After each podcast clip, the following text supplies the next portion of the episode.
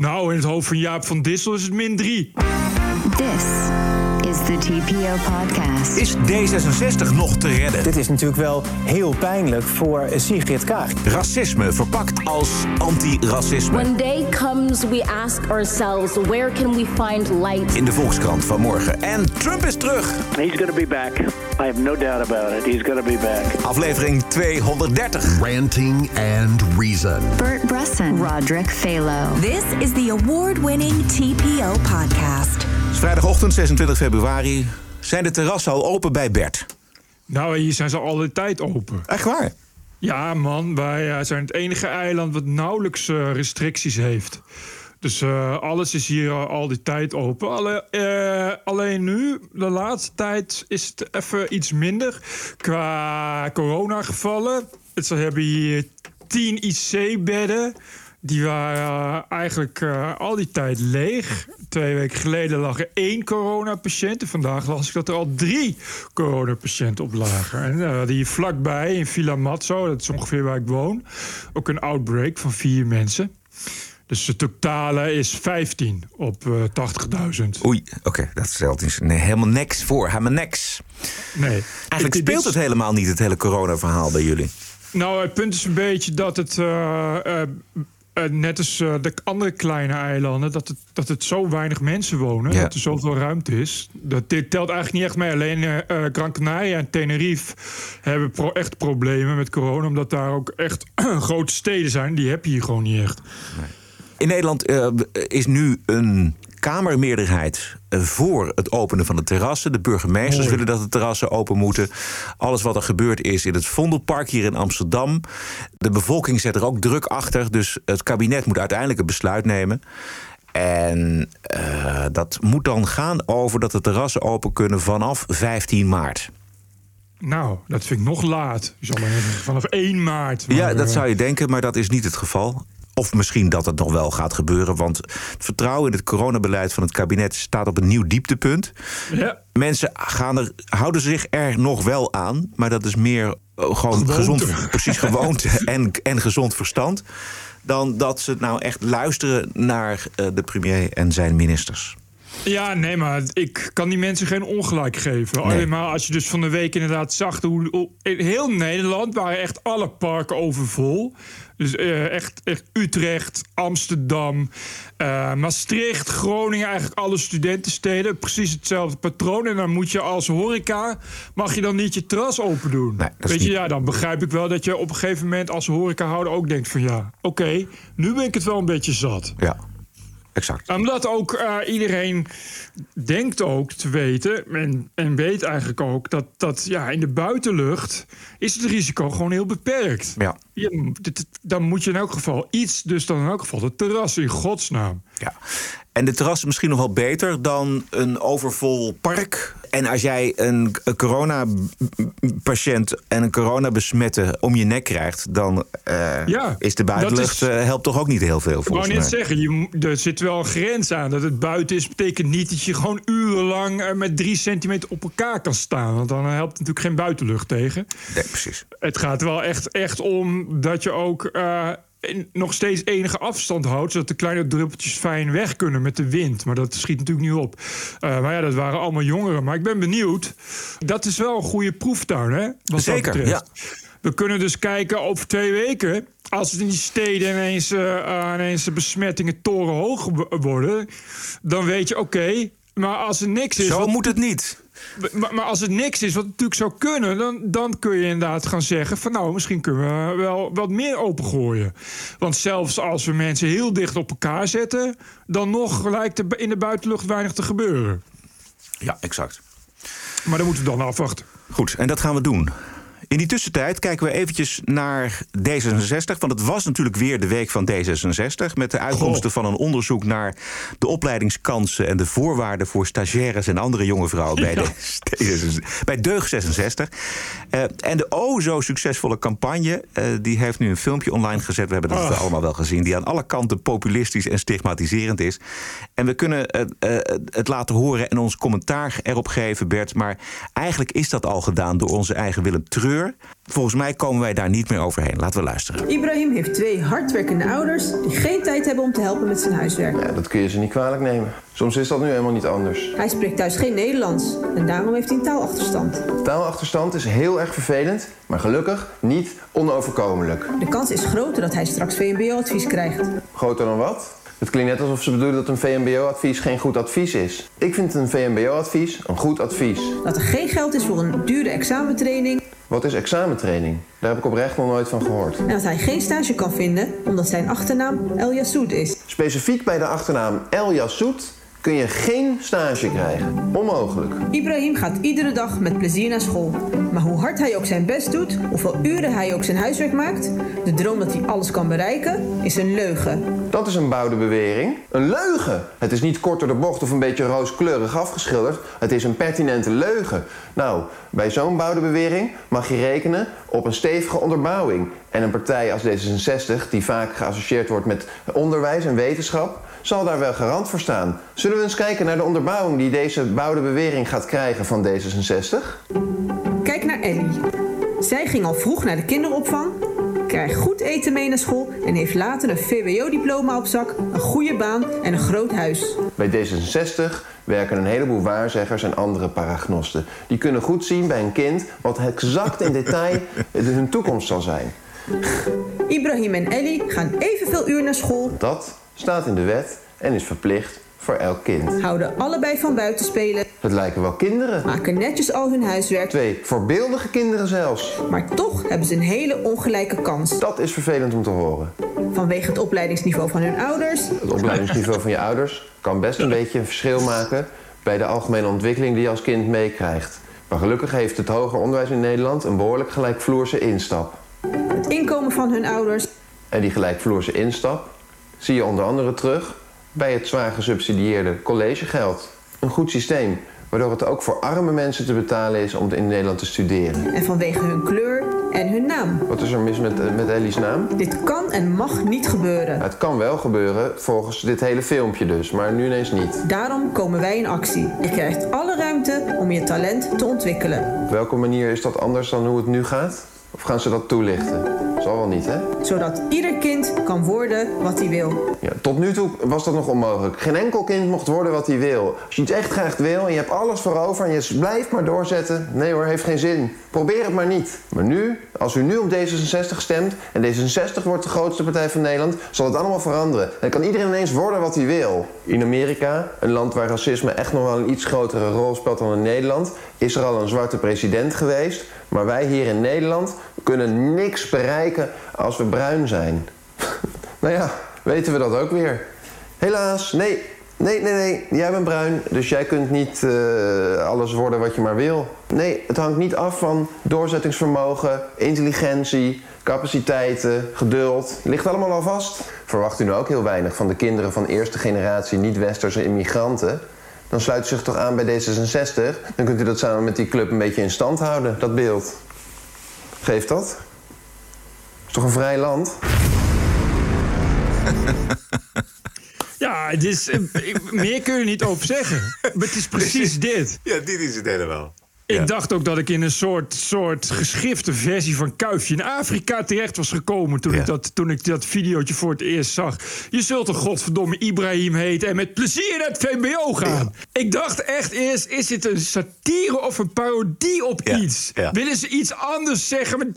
Het, ik, ik, het is echt, echt van een niveau van zilverpapiertjes verzamelen voor de zwartjes.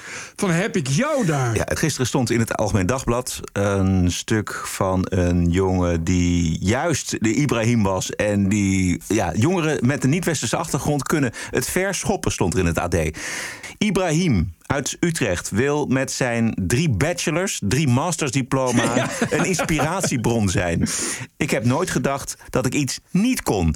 Kijk, en dat is natuurlijk de tekst die je moet hebben. Maar daar wint D66 geen stemmen mee. Ja, maar het is toch 2021?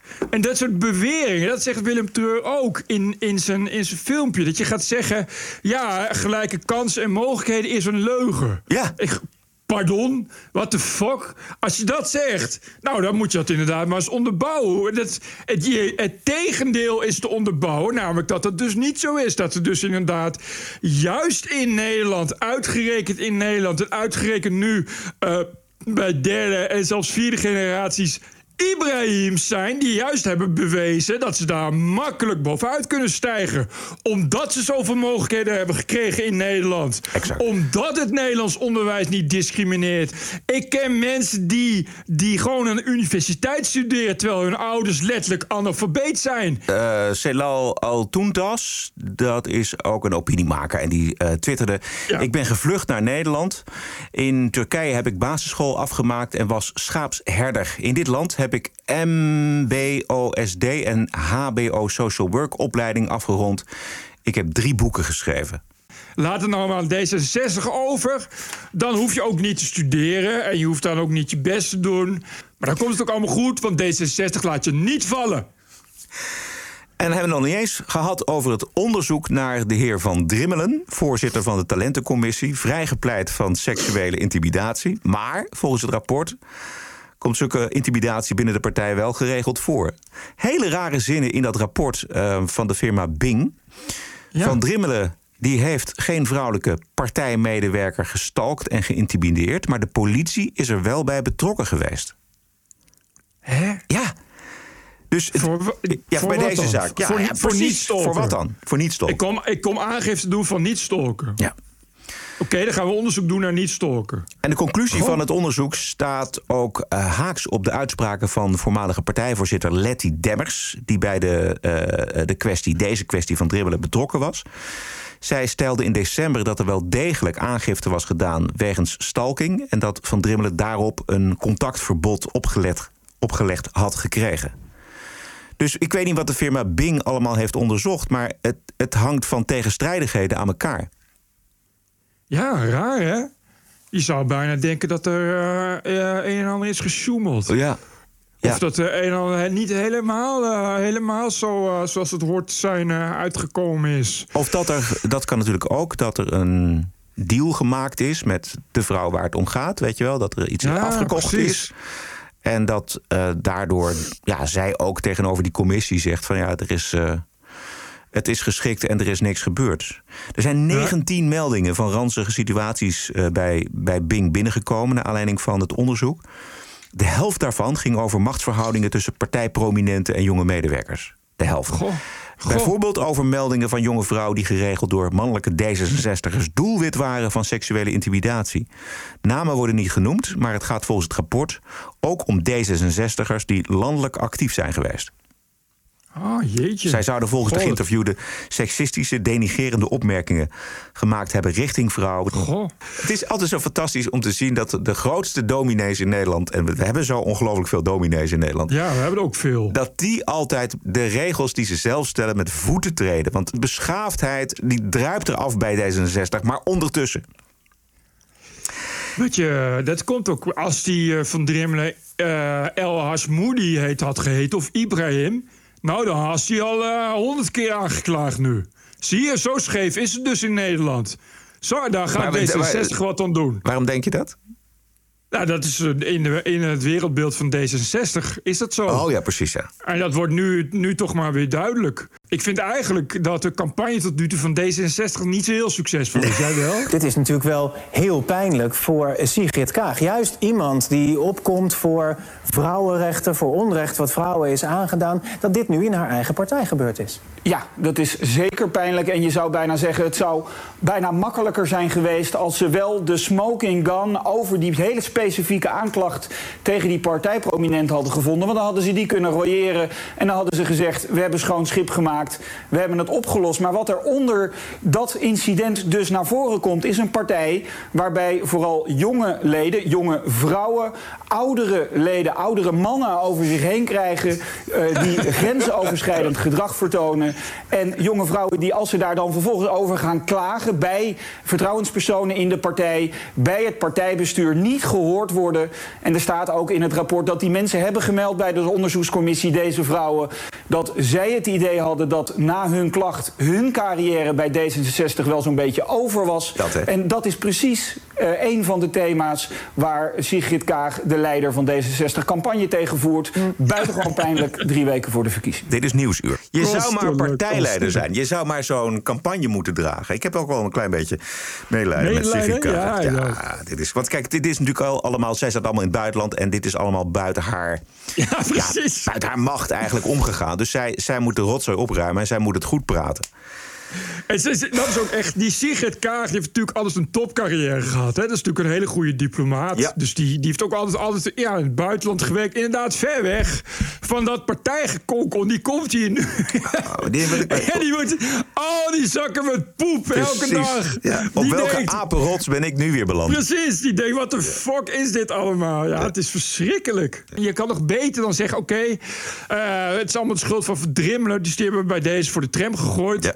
Nee, dat is niet zo. Je weet dat er nu nog gewoon een heleboel shit zo onder blijft. Dus dan komt er straks weer iemand die weer gaat klagen.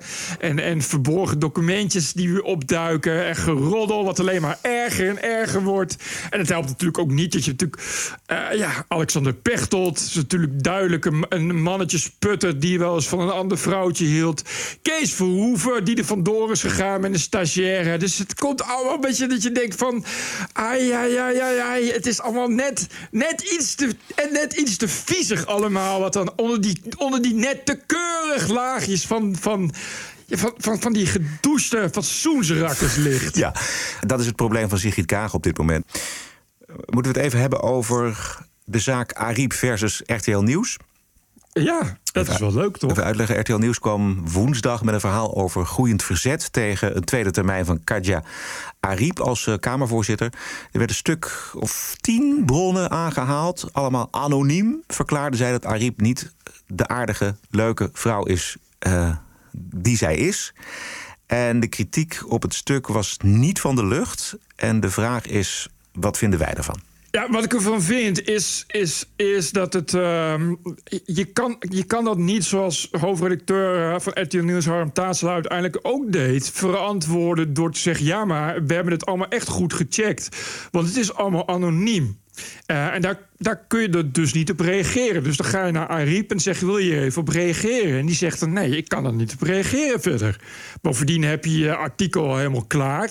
En er staan dus uh, tien anonieme bronnen die ja, voor de helft toch wel ernstige aantijgingen doen. Vooral over mijn verschijning als in privé, terwijl mensen dat dus niet zien. Dus, dus mensen kunnen daar zelf geen conclusie uit trekken. En dan kun je zeggen, ja, ze zijn wel anoniem, maar ik weet wie het zijn... en ik heb het echt allemaal gecheckt. Maar het blijft anoniem en dan blijft het anonieme heersen.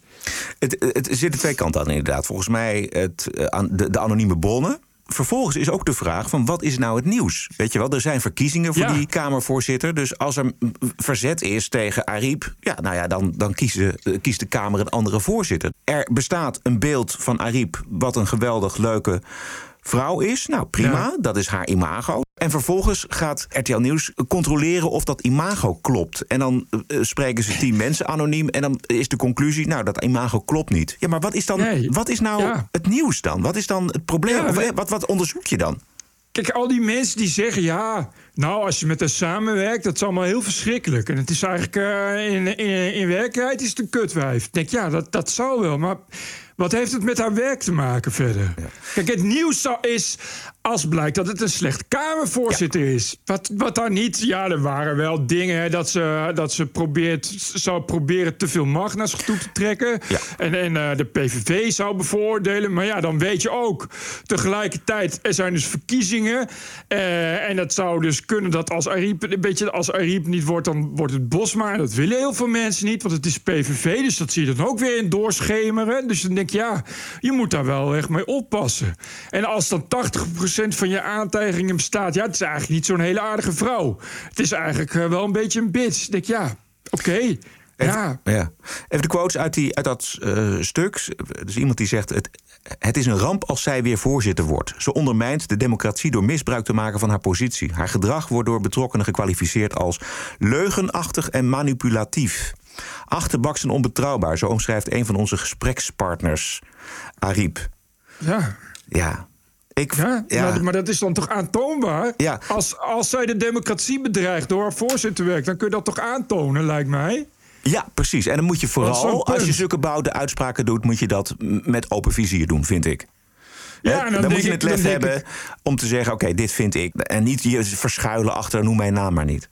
Het is wel heel laf ook. Ja. Allemaal anoniem. Niet één die zegt: Oké, maar dan ik ben, best bereid eh, mijn vizier open te zetten. Want ik, want ik vind dit zo'n ernstige aantasting van de democratie. Dat is kennelijk dan ook weer niet zo. En ze, gaan ook, ze hebben ook niet gevraagd, bijvoorbeeld bij de Partij van de Arbeid, de Partij van Ariep eh, eh, Ploemen, van wat vindt u hiervan? Of wat herkent u Nee. dit, et cetera? Want die geeft namelijk gewoon een statement. Dat had je moeten meenemen. En Pechtold wordt genoemd in een, in een situatie van die verhuizing. Ja, dan moet je toch echt wel naar Pechtold toe. Ja, Om vraag daar, om-. Precies, om iets te vragen. Want anders ja, dan blijft het dus wat het nu is. Namelijk toch een karaktermoord. Ja, en, want, en dan is de hele tijd ja, nee. Maar dus eh, echt, ze houdt eh, geen rekening met de democratische wetgeving. Nou, eh, dan kun je toch aan de bel trekken. Er zijn toch procedures voor. Ja. En dan moet je op iemand anders stemmen. En nu, ik vind het nu heel erg het karakter hebben van een insteek om, om haar niet opnieuw te laten verkiezen. Ja. We gooien alles op een hoop en dan hopen we maar dat, we, dat de pers daar iets mee doet. En de pers doet er iets mee. Dat vond ik niet zo handig van RTL Nieuws. Nee. Ik, zou, ik had, als ik Harm was geweest, had ik gezegd van ja, ik ga niet. Dan moet je in elk geval ook één niet-anonieme hebben die dat ook wil bevestigen. Want het is wel, geeft wel te denken als ze allemaal niet anoniem zijn. Is wel, wel allemaal grote mond over dat, de dat ze niet, geen rekening houdt met de democratische regels. Maar, en, maar niemand durft daar voor uit te komen. Ja, dan, eh, dan kennelijk vind je die democratische regels ook weer niet zo belangrijk. De redenatie van de hoofdredacteur Harm Tazelaar van de RTL Nieuws is dat als je zoveel bronnen hebt die eh, elkaar bevestigen, ja, dan heb je wel een verhaal. Er zijn de afgelopen Ja, vier ja, jaar in Amerika ja. zijn er eindeloos veel boeken op basis van uitsluitend anonieme bronnen over Donald Trump geschreven. Nou, die werden hier allemaal met gejuich ontvangen. Ik denk dat heel veel mensen in de Kamer. Ik denk dat, kijk, dat is dus het gevaar. Het is dus politiek en het zijn verkiezingen. En ook dus Kamervoorzitterverkiezingen. En dan moet je daar extra rekening mee gaan houden als je zo'n verhaal maakt. Ik hoop dan maar dat Martin Bosma Kamervoorzitter wordt. Dat zou nog helemaal mooi zijn. Want ik weet dat een grote. Heel veel mensen willen dat ook natuurlijk niet. En dat is denk ik ook waar, waar het venijn zit. Dat, dat zo, zo aardig is voor de PVV. Ja. Precies, dat Daar zit ook in het stuk. Exact. En zij heeft die steun, staat dan in het stuk, ze heeft die steun van de PVV nodig om herkozen te worden. Ja, en dat mag niet. En dat mag niet. Nee, nee, nee. Dus er zitten inderdaad, dus het is een slangenkuil. En, en als je eh, vanuit een slangenkuil met tien anonieme bronnen een verhaal gaat maken, dan kun je, ja, dan, dan, dan ga je toch een scheve schaats rijden, volgens mij. Journalistiek. Ja, ik, ja, nou ja, ja maar goed. Ik, ja, Harm heeft het verklaard. Nou ja, Ja. Nou ja. ik weet het ook niet. Nu we toch in de Kamer. Harm, Huh? Harm is Harm. Die, je moet uiteindelijk als hoofdredacteur een beslissing nemen. Ja. Dus dan kom je toch altijd ergens uit waar, waarvan je misschien... waarvan anderen zeggen, tja, weet je, je moet toch wat. Het was geen makkelijke afweging, maar op een gegeven moment hij gezegd: oké, let's go. Oké, met dit als gevolg. Eh, dat krijgt nog een staartje volgens mij. En nu we toch in de Kamer zijn. Opmerkelijk moment in de Tweede Kamer tussen minister Hugo de Jonge en FVD-Kamerlid Van Haga. Van Haga wilde weten of er wordt bijgehouden of oudere mensen sterven aan vaccinaties. En dat gebeurt namelijk in de hele wereld, dus waarom niet in Nederland? Ja. Minister De Jonge die eh, wenst daar niet op in te gaan, omdat dat volgens hem ertoe kan leiden dat mensen bang worden voor vaccineren en dan geen prik gaan halen. En opmerkelijk is dat de minister, het Kamerlid van Haga, zelfs de mond lijkt te willen snoeren. En laten we nou niet paniek gaan zitten zaaien terwijl dat echt niet nodig is en zelfs ondermijnend zou kunnen zijn voor de volksgezondheid. De heer Van Haga. Ja, voorzitter. Nou ja, ik zei helemaal geen paniek. En het is voor het vertrouwen in de overheid en voor het vertrouwen in dit proces uitermate belangrijk dat er geen bias is naar één of andere kant. Dus als er uh, uh, dit soort uitbraken zijn, en die zijn consequent een week of twee weken nadat er gevaccineerd is, dan is dat goed om dat te onderzoeken. En dat is juist ontzettend belangrijk, ook in uw belang, hè, uh, om, om daar transparant over te zijn. En daarom was mijn vraag ook van nou, is het dan zo dat het goed onderzocht wordt? Wordt het goed geregistreerd? Ja. En is het zo ja. dat uh, als, uh, als daar iemand eh, overlijdt, dat er dan goed gekeken wordt... is die overleden aan de vaccinatie of is er onderliggend lijden? Nou, is mij te oren gekomen dat dan altijd wordt gezegd... nee, dat onderliggende lijden prevaleert. Dus die wordt dan uh, geregistreerd als, als iemand die uh, overleden is aan kanker... of aan hartaanval of wat dan ook.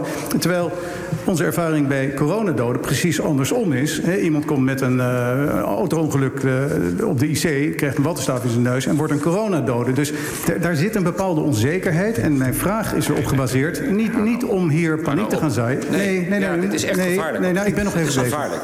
Nepnieuws verspreiden. Nee, nee, nee. Nee we zitten midden in een pandemie. Voorzitter, dit is, hier over dit is echt- ernstige. Voorzitter, dit kan echt niet. Ik ben midden Nou, dat in kan mijn wel. Wat niet kan, is nepnieuws verspreiden over hoe het zit met coronabesmetting in Nederland. Hoe het zit met gevaren rondom vaccinatie. Dat kan niet. Dat kan niet, midden in een pandemie. Dat is gewoon gevaarlijk. Dat ondermijnt de bereidheid om je te willen laten vaccineren. En daarmee is dat een ondermijning van de volksgezondheid. En dat kan Voorzitter, dit is verwerpelijk. Ik- ja, ik, ik, wil- ik was midden in de zin, u geeft niet in. Dit is echt heel raar. Ja, dit vind ik ook absurd gewoon. Dit is Hugo de Jonge, de leraar Hugo de Jonge. zo, nee, dit kan echt niet. Nee. Je kan niet als minister zo tegen een Kamerlid te- tekeer gaan. Nee. Je moet gewoon antwoord geven op de vraag. Eh, en eh, je de- zeg dan, ik geef geen antwoord. Of zeg als antwoord op de vraag, ik vind het allemaal heel stom. Je kan niet zo inderdaad zomaar even iemand het woord ontnemen... en zeggen, nu moet je je bek houden en weet ik veel wat. Precies. En de, en eh, gedachte- je kan... Ja, sorry. Nee, de gedachte erachter bij, volgens mij, bij Hugo de Jonge is dat hij hem echt de mond wil snoeren. Omdat Precies. hij bang is voor, ja, voor, voor, voor paniek of wat dan ook. Weet je wel. Hij wil echt een, een Kamerlid de mond snoeren. Nou, dat is absurd. Dat is kan dat. niet. Nee. En verder heeft Hugo de Jonge wel gelijk. Ik vind ook dat hij van Haga nepnieuws zaait. Maar ja, dat moet je dan maar lekker opschrijven. Of, of tijdens je beurt zeggen. Je mag allemaal zeggen wat je ervan vindt. Maar je bent, ka of je bent minister en je hebt gewoon te luisteren naar de vragen van het Kamerlid. Exact. En gewoon normaal antwoorden. Exact. Dus eh, ja, sorry, maar Van Haga spreekt gewoon ook voor... eh, nou, Van Haga... Oké, dat is een zeteljatter, maar toch... Weet je, eh, het is een volksvertegenwoordiger. Dus hij Ja. vraagt namens zijn volk. En dan moet je als minister gewoon antwoord op geven. Exact. exact. En dit is inderdaad, dit is inderdaad schoolmeestersgedrag. Van ja, wat jij nu zegt ben je nog te klein voor. Dus Ja. nu moet je even je mond houden, want volwassen mensen praten. Nee, andersom. Andersom, de minister moet even zijn mond houden, want het Kamerlid spreekt. Dit is namelijk de enige manier waarop dat Kamerlid, via, via het volk, via de vertegenwoordiger, dingen kan zeggen tegen de minister en vragen kan stellen. Dus dan moet je daar gewoon naar luisteren. Punt. Dit is de TPO-podcast. Een eigenzinnige kijk op het nieuws en de nieuwsmedia. Twee keer per week, elke dinsdag en elke vrijdag. 100% onafhankelijk, want zonder reclame en zonder een cent subsidie. The award-winning TPO podcast. Wat is het jou waard? Een euro per aflevering? 104 euro per jaar? Of kies zelf een bedrag? Waardeer en doneer op tpo.nl slash podcast. De TPO-podcast. Wat is het je waard? Ja, goede vraag. Wat is het je waard? We moeten het even hebben over de bouw van eh, de stadions in Qatar. Oh, ja. Want het eh, WK voetbal gaat daar eh, plaatsvinden, eh, als het goed is. En het, dat, de, bouw van die stadions heeft natuurlijk, heeft u vastgelezen... heeft al aan 6.500 slaven het leven gekost. Ja. En als de cancel culture ergens van toepassing is... dan is het wel op het WK van Qatar. Ja. En de grote vraag is nu, waar zijn de deugmensen en de deugdbedrijven? Ja, het, het is stil, hè? Het is ontzettend stil. 6.500 slaven gewoon omdat een paar miljonairs tegen een balletje willen trappen. Je hoort gewoon helemaal niemand. Nee, nee. Niks. Waar is Coca-Cola? Precies. Ja, over die miljonairs gesproken. Ik kan me nog herinneren dat het Nederlands elftal... één opmerking van Johan Derksen over Aquasi genoeg vond... om Veronica te boycotten. Veronica Inside. Daar, ging, daar werden gewoon geen interviews meer aangegeven. En hier gaat het toch over een regime waar, eh, nou, daar eh, over discriminatie hebt en over slecht behandelen. Dan moet je in Qatar zijn. Precies, vrouwen hebben daar eh, een, een tweede of derde rangs eh, positie. Homoseksualiteit is strafbaar. Je zou toch denken dat eh, het Nederlands elftal eensgezind een vuist maakt en zegt: wij gaan niet naar Qatar. Exact. Dat je vindt dat je als Nederlands elftal met Johan Derksen moet bemoeien. Dat je vindt dat je als Nederlands elftal de- iets anders moet gaan doen dan voetballen. Vind ik al erg. Maar dan kom dan ook, zeg dan hier iets over. Of zeg dan op zijn minst: ja, we gaan, maar ik heb er geen goed gevoel bij. I was offended and I have rights. TPO Podcast. You're an adult. Grow up. Deal with it. De Wokweek, oftewel berichten uit de open inrichting. In de Wokweek eh, krijgt iedereen het podium dat hij verdient. Mensen, bedrijven, instanties die zich een slag in de ronde deugen... of uh, diep buigen voor de terreur van de identiteitsideologie. Vanmorgen groot stuk in de Volkskrant over de blanke vertaalster... van de zwarte Amanda Gorman. Zoveel haat en racisme heb ik de afgelopen maand nog niet gelezen. Dit is Amanda Gorman. When day comes, we ask ourselves, where can we find light in this never-ending shade?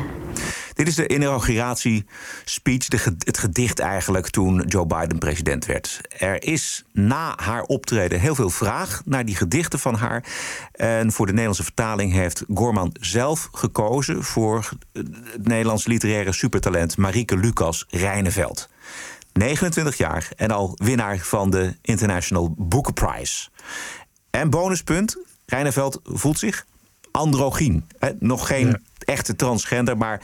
Ze Genderfluide. Ja, ze weet het gewoon nog niet of ze een jongen of een meisje is. Dit is Marieke Lucas... Heel kort in een gesprek met Tim den Beste van de WPRO. Maar voel je je dan meer Marieke of voel je je meer Lucas? Nee, op dit moment voel ik me meer Lucas. Maar je moet natuurlijk het, ja, het is niet zo dat ik me bijvoorbeeld transgender voel of zo. Dat, ik weet niet hoe, dat, hoe, hoe je dan echt voelt, maar ik denk gewoon, ik ben Lucas en ik ben ook Marieke. En misschien word ik ooit helemaal Lucas, dat weet ik niet. Maar zo'n heel traject is gewoon heel heftig. En dan moet je heel goed achter staan van, om dat te doen. Ja, het is een ontzettend leuk gesprek uh, van Tim den Beste terug te vinden uh, op YouTube met deze Marieke Lucas Rijneveld. Ja. Seksuele oriëntatie doet er natuurlijk helemaal niet toe, maar wat er wel doet, doet is dat Marieke Lucas blank is. Of wit. Ja, hoe kan je dan überhaupt gedichten vertalen van iemand met een donkere huid? Vanmorgen nog die, die Janice Deul is activist, journalist en curator en maakt zich sterk voor een inclusief klimaat in mode, media, kunst en cultuur en schrijft. Een witte vertaler voor poëzie van Amanda Gorman. Onbegrijpelijk. Het meest verschrikkelijke stuk wat ik de afgelopen maanden gelezen heb in de krant. Het is racistisch. Ik, ik kijk dan, ja. er staat een naam die ik niet ken, dus dan scroll ik altijd eerst naar onderen ja, van wie is dat. Er staat eronder en dan zie je maakt zich, maakt zich uh, zorgt voor inclusiviteit in mode en media. Dat is dan meteen Oostkip. dat weet je al. Oh nee, oh nee, nee, nee, hoofdpijn, hoofdpijn, ga weg. Maar dit is, ik. Uh, Terwijl ik, dat je ook denkt: heb je een keer iemand die genderfluide is? Is het weer niet goed? Ja, Ik bedoel, terwijl die Lucas Marieke is een. Uh, ik, uh, ik heb geen boeken van haar gelezen, maar wat ik weet, als je de Booker Prize wint als Nederlands schrijver, dat is heel zeldzaam, dat is heel uniek. Dus dan uh, heb je in elk geval talent. Hè, dan kun je ook iets, dat kun je er dan niet ontzeggen. Het is ook niet dat je zegt van uh, wie is Lucas Marieke Rijneveld nee, of zo. Nee, nee. Dus uh, is zeg maar het talent van dit moment. Ja, maar wat ja. is het voor D66 mentaliteit dat je nou tegen die, die, die zwarte dichteres zegt: nee, je hebt de verkeerde gevraagd. Ja, precies. Jij want, weet want, niet. Exact. Want deze activiste, ze veegt het bij elkaar. Ze is feitelijk onjuist, want ze heeft het over non-binair. Eh, Marieke Lucas zou dan non-binair zijn. Nou, dat is volgens mij niet het geval. Nee, die is juist binair. Precies, dus het is ook nog eens feitelijk onjuist. Slecht geschreven stuk ook. Maar ze krijgt een podium bij, bij, de, bij de Volkskrant, jongen. Nou, maar kijk, luister eens even. Weet je, dat is dus het punt. Weet je hoe het gaat? Is, kijk, het, wat dus zo is, is dat, dat dan die, die uitgeverij... die komt met Ja. heel veel tamtam Meulenhof. aankondigen... Meulenhof, Marieke Lucas Rijneveld mag, uh, mag uh, dinges vertalen. Van die dichter had ik ook nooit gehoord, maar dan weet iedereen. Dan, dan zeg je, wie is dat? Oh, die sprak bij de inauguratie van Biden. Oh, nou, zwarte dichteres die uh, over discriminatie schrijft, inauguratie Biden. Nou, groot ding. Dus Meulenhof, oh, hey, Marieke Lucas Rijneveld mag het doen. Oké, en dan komt dus één iemand op Twitter die, die precies zegt waarvan je wist wat zou komen. Ja. Namelijk, oh, Marieke Lucas Rijneveld, blank. Kan niet, want als je blank bent, weet je dat niet. Hé, hey, zou die dichteres zelf dat misschien kunnen uitmaken? Of, uh, of uh, gaan we nu ook nog, ook nog gewoon de gedichten voor die dichteres maken? Dat we gaan zeggen, dat hoef je ook niet te doen. Wij kunnen dat ook wel beter dan jij, want jij bent zwart. Of zeggen van, het begint een beetje een raar apartheidssyndroom te worden op deze manier. En dan zegt Meulenhof dus van, ik, wij begrijpen jullie ja, klachten. Precies. En, oh, ja, ook gruwelijk. van en Meulenhof, ja, godverdomme. en dan, precies. En dan het begrip leidt altijd weer tot meer. Vandaar ook dat er vandaag ja, in de Volkskrant ja, dan weer zo'n ja. zo'n heel stuk staat. En dan zegt uh, Meulenhof ook nog dat ze hebben gekeken naar sensitivity readers. Oftewel. Sensitivity readers! ja, nou goed. Dat is dan een Die soort. bestaan, hè? Ja. Het is, het is waanzin te top. Maar ik vind die reactie van Meulenhof... daar staat ook eigenlijk... oei, iemand heeft op Twitter iets gezegd. Snel bukken. Blanke mensen die geen zwarte mensen mogen vertalen. Hetero-acteurs die geen homo's mogen spelen. Witte acteurs die geen gehandicapten mogen spelen. En witte stemacteurs die geen zwarte poppetjes mogen nadoen. De doorgaans politiek incorrecte Simpsons, die moeten er ook aan geloven, Bert. De blanke acteur Harry Shearer mag niet langer de donkere Dr. Hibbert spelen. En dat doet hij al 30 jaar lang. Dit is Dr. Hibbert. You can run, but nobody escapes the needle. Darlene, cancel all my appointments. Nou, dat klinkt hartstikke goed. Maar na 30 jaar moet daar, is daar een einde aan gekomen. Maar goed, de- bij de Simpsons is het al heel lang kapot gebookt. Oh ja? Ja, ja, want ze hebben ook. eh, eh, er zit een, eh, een karakter in. Dat is, die, dat is eh, iemand uit India die dan, eh, die dan zo'n eh, nachtwinkel bestuurt. Ja. En dat mag ook allemaal niet meer. Oh Dat ja, is, precies, ja, dat, is ja, exact, ja. Ja. Dus en de, ja, nee, het is al heel lang gezeik. Dus dat, de Simpsons zijn al heel lang ook kapot gebookt. En die makers van de Simpsons hebben al lang geleden zijn die gebukt en zo. dus dat, jammer, dat, dat, dat, dat verbaast me helemaal niks. Ja. Nog even over de jodenkoeken. Eh, Die van de koekenbakker Davelaar. Eh, Sorry, odekoeken bedoel ik. Odekoeken. Odekoeken. Dat is een Joodse bakker uit Antwerpen, Mosje Baumstein. Die gaat nu zelf die jodenkoeken bakken en exporteren naar Nederland. Schrijft Geweldig. het nieuw Israëlitisch weekblad. Dus Deuger Davelaar kan het dak op. En dan noemt hij ze gewoon jodenkoeken? Of Ja, worden het, ja, eh, ja, worden ja. het uh, matzes of zo? Komt u ook leuke woke-situaties tegen? Schrijf ze ons dan via ons e-mailadres info.tpo.nl. TPO Podcast. We gaan zo meteen eh, naar Amerika. Maar eerst nog eventjes een eh, goed lang stuk van correspondent Kleis Jager op winiaasweek.nl over het verbond van uiterst links met de islam. En De ferme stappen van de Franse minister Frédéric Vidal tegen dat verbond op universiteit. We hebben het er vorige week al eventjes over gehad.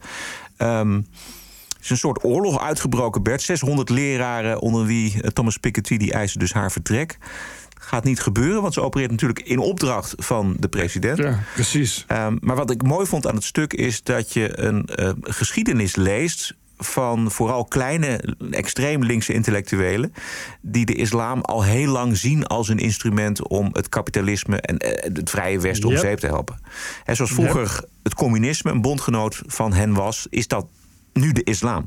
Yep. Totalitaire verleiding ligt altijd op de loer bij, bij links, extreem links. Bij rechts misschien ook, maar in ieder geval ook bij, bij links. Universitair links. Ja.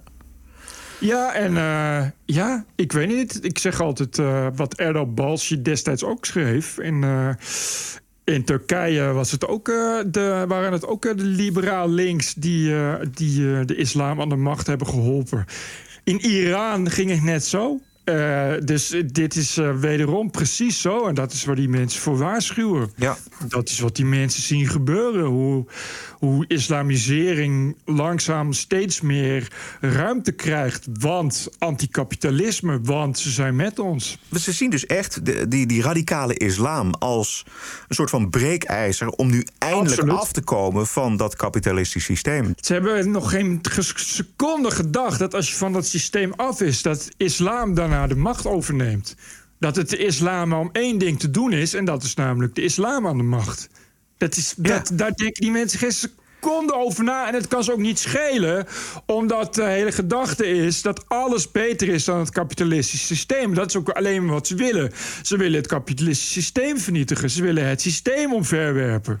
Nou, dat kan met islam. Dat je daarna islam krijgt, waardoor het honderd keer erger wordt. Maar dat, het is eh, Iran all over again. Weet je, daar was, was een Shah. Dus zei iedereen ja, maar die Shah die heeft martelkelders en die onderdrukt. Was ook dus zo. weet je wat? Ja, dat was ook zo. Maar, dus zeggen ze, alles is beter dan dit. Nou, dus kwam de Ayatollah. Toen werd het een stuk beter. Oh nee. Ja, ja precies maar, zo. Maar niet niks dus geleerd. En als je zo'n Piketty dan eh, eh, dit soort teksten hoort roepen... dan heb je het toch echt over een aanpak van de verschroeide aarde. Ja, maar is- alleen al. Ik vind echt alleen al de reactie van die intellectuelen spreekt boekdelen. Je weet dat er iets aan de hand is als die lui, als die lui zo reageren. Ze begonnen meteen ook als een speenvarken te gillen. En, eh, en, eh, en, de, en onze vrijheid dan en ons onderzoek dan. Dus je weet dat er iets aan de hand is. Ze, ze, ze voelen zich schuldig. Weet je, ze weten, ze hebben een slecht geweten. Tuurlijk is dat zo. Tuurlijk weten ze dat. Terwijl woensdagnacht de politie in Berlijn nog 26 woningen doorzocht heeft van moslim-extremisten. Leden worden verdacht van een betrokkenheid bij de aanslag op de kerstmarkt in 2016. Volgens de politie gaat het om een salafistische groep. En we weten nog wat de grote islamkenner Josias van Aartsen ons over salafisten op het hart drukte. Salafisme is een orthodoxe beleving van het geloof. Dat heeft niets, 0,0 niets te maken met terrorisme of de politieke islam. Wisten Ja, dit- van Aartsen. Ja, Die woont bij eh, Geert Mak in de buurt, denk ik. in dezelfde buurt, ja. Ja. Ja. Eh, gisterochtend is de groep onmiddellijk verboden door de Duitse Bondsraad. Het gaat volgens de Bondsraad om de ideologie van islamitische staat en keuren ze aanslagen op ongelovigen goed. Nou, Duitsland neemt het probleem van salafisme toe. In 2019 bleek uit onderzoek van het Federaal Bureau voor de Bescherming van de Grondwet dat er ongeveer 12.000 salafisten in Duitsland zijn. En in 2011 waren dat er nog geen 4000. Dus dat is een probleem dat Goh. zich vergroot. Dat zien we ook in Nederland. Waar moskeeën worden overgenomen door salafistische groeperingen. Goed. Amerika. TPO Podcast. Ladies and gentlemen, the President-elect of the United States. This is CNN breaking news. We have never, ever, ever, ever failed in America. It's an incredible way of putting it. Telling the truth matters. It's an incredible way of putting it. This is a Russian intelligence disinformation campaign. Why isn't Joe Biden angrier about all of this? How stupid can you be? This is a classic example of the right wing media machine. Sure. You know the facts well. Go ahead. De Amerikaanse president Joe Biden had deze week overleg met zijn ideologische vriend, premier Justin Trudeau van Canada. En er zijn afspraken gemaakt. En wat voor afspraken zijn dat? To ensure that Canada and the United States are driving a robust economic recovery that benefits everyone, not just those at the top. That's especially important because we know that this pandemic is not affecting everyone the same way. Women are dropping out of work in the workforce at alarming rates. Black, Latino, and Native are also, and other minorities are particularly hard hit. We also agreed to work together on a uh, inclusive recovery using the tools available through the small and medium enterprise chapter of our trade agreement to support women and minority-owned businesses. Saai, hè, die man. Ik, dat je ook een Ongelooflijk, tweede jongen. keihard handelsverdrag... Dat je, daar, dat je daar die inclusiviteit zo ineens even infietst. Wat echt totaal waanzin is. Het is zo allemaal retoriek. Boring Biden. Het is vreselijk, deze man. En dan ook Biden, hè, van, de, van de beruchte Biden-dynastie. Ja. Waar zelfs zijn zoon nogal, eh, nou, laten we zeggen, nogal eh, maniertjes heeft om eh, bij de 1% te horen. Dat, die, dat je dan uit Bidens mond hoort, nee, dat niet alleen de mensen aan de top ervan Ja, precies, ja. ja, ja. Oké, Joe Biden. Als er nou iemand is die al heel lang aan de top zit om ervan te profiteren, is het Joe Biden. Eh, die golfer Tiger Woods die heeft een ernstig auto-ongeluk gehad. Hij was herstellende van rugklachten en nu lijkt het ernstig gesteld te zijn met zijn benen door dat auto-ongeluk. Tiger Woods is een goede vriend van Donald Trump. Van hem hebben we alweer een tijdje niks gehoord. Twitter is natuurlijk verboden terrein voor Trump. Maar Fox belde hem over het ongeluk van Tiger Woods. He's getting uh, the back in shape, and then a thing like this happens. He's had a big problem, as you know, with his back for a long period of time, and it's amazing. He won the Masters, and he won the Masters with a bad back, which tells you the level of talent is incredible. And uh, he's been working on that, and then he has this happen. It's just uh, tragic. It's pretty bad on the legs, I understand, and uh, you know he'll figure a way. But he's a he's a wonderful person. Aside from everything else, he's a wonderful person. Goed zo, Trump. Juist. Toch fijn om hem weer even te horen, vind je niet? Ja, toch leuk dat Fox hem ook even belt. Ja, precies. Het ging verder nergens anders over. Het hele gesprek duurde wel acht minuten. Maar het ging, ging verder. Nee, oh, nee, vond ik wel jammer. Want ik dacht, ja, dat is natuurlijk een mooie aanleiding om Ja. allerlei andere dingen te vragen. Maar het ging alleen maar over Tiger Woods. Ehm, Tja. Maar ja, het is, het is in ieder geval. Het was, je blijft dan toch luisteren, 7,5 minuut. Eh, terwijl je na anderhalve minuut bij Joe Biden al klaar bent, helemaal klaar bent. Ja, maar Joe Biden die houdt ook geen acht minuten vol. Ik heb eh, nog een bonusquote en dat is het dan, Bert. Oh ja, gooi dat er maar in, die. This is the TPO podcast. Ik heb gisteren de Showtime-documentaire The Reagans gezien. Alle vier delen achter elkaar in Nederland uitgezonden Oh. door de VPRO. Er zitten geweldige momenten in. Er komen veel mensen aan het woord eh, die hem gewoon achter de schermen hebben meegemaakt. Dus dat maakt het interessant. Zoals zijn zoon bijvoorbeeld, die heeft een vrij prominente plek. En er blijkt ook een uh, astrologe te zijn waar Nancy Reagan acht keer per dag mee belde. En die dan zei dat er een bepaalde toespraak uh, beter om kwart over twee dan om half drie kon worden gegeven. En, ja, echt waar. En dan werd dat gewoon Jezus. een kwartiertje opgeschoven. Ja, ongelooflijk. Ja. Nou, zo zit dus het er. Greet, uh, Greet Hofmans. Ja, ja precies. Exact. exact. De Amerikaanse Greet Hofmans affaire. Maar er komen ook activistische politicologen aan het woord. En Reagan moet als racist worden neergezet. Geen echt bewijs voor, maar Jezus. codetaal richting racisten, die moeten dat bewijzen. En er wordt een aantal keren heel erg de parallel gemaakt met Trump. Een paar fragmenten achter elkaar gezet. Het begint met een antwoord van zijn zoon op de vraag of hij vindt dat zijn vader een racist is. The question of, of, of whether my father was in fact racist in some way is, is a troubling one for me and, uh, and, and one that I, I don't really know how to answer. I never heard him at home in private ever saying racist things. He certainly didn't use the N word. I do not think Ronald Reagan thought he was a racist. When he visited us at Yale, my friend asked Governor Reagan, Are there any other black people you know other than Jackie Robinson? And that's where Governor Reagan said, Sammy Davis Jr. is one of my best friends.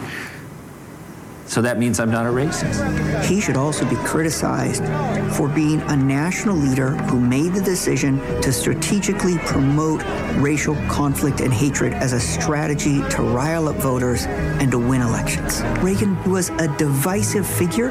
He wrapped his racism in a facade of fatherly love. We will make America great again. Thank you very much. Ja, kijk, als je ooit hebt gezegd Make America Great Again, dan kun je natuurlijk wel schudden. Dat kom je niet meer, kom je niet meer uit. Nee. Ja. Je kunt iedereen achteraf natuurlijk ja. voor, voor racist verslijten. Dat is verder geen enkel probleem. Maar het was heel zwak, want je hebt dan twee uh, zwarte politicologen die dan construeren achteraf dat hij wel een racist had moeten zijn. Omdat Precies. hij dan met allerlei codewoorden probeerde om ontevreden blanke mensen over te halen om naar de Republikeinse Partij te komen. Bovendien was hij natuurlijk ook uh, onbewust racistisch. Ja, zeker. Ja, precies. Uh, hij had een, uh, natuurlijk, natuurlijk een inclusiviteitscursus moeten volgen. Dan was het beter geweest. Maar ja, die had je toen nog niet. Tot zover. Dan. Ja, tot zover, hè? Tot zover. TPO Podcast is te vinden op onder meer Spotify, Apple Podcast, iTunes en natuurlijk op tpo.nl. Zeer veel dank voor de ondersteuning van deze aflevering 230. Post kan naar info.tpo.nl en waardeer ik kan op tpo.nl slash podcast. We zijn terug dinsdag 2 maart. Maart, de terrassen weer open.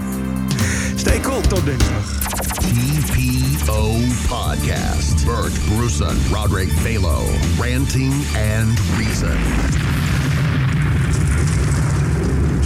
En hoop en corona zijn overal om ons heen aanwezig. Podcasting is the TPO podcast in the Netherlands. Bert and Roderick. What a show. I'm telling you.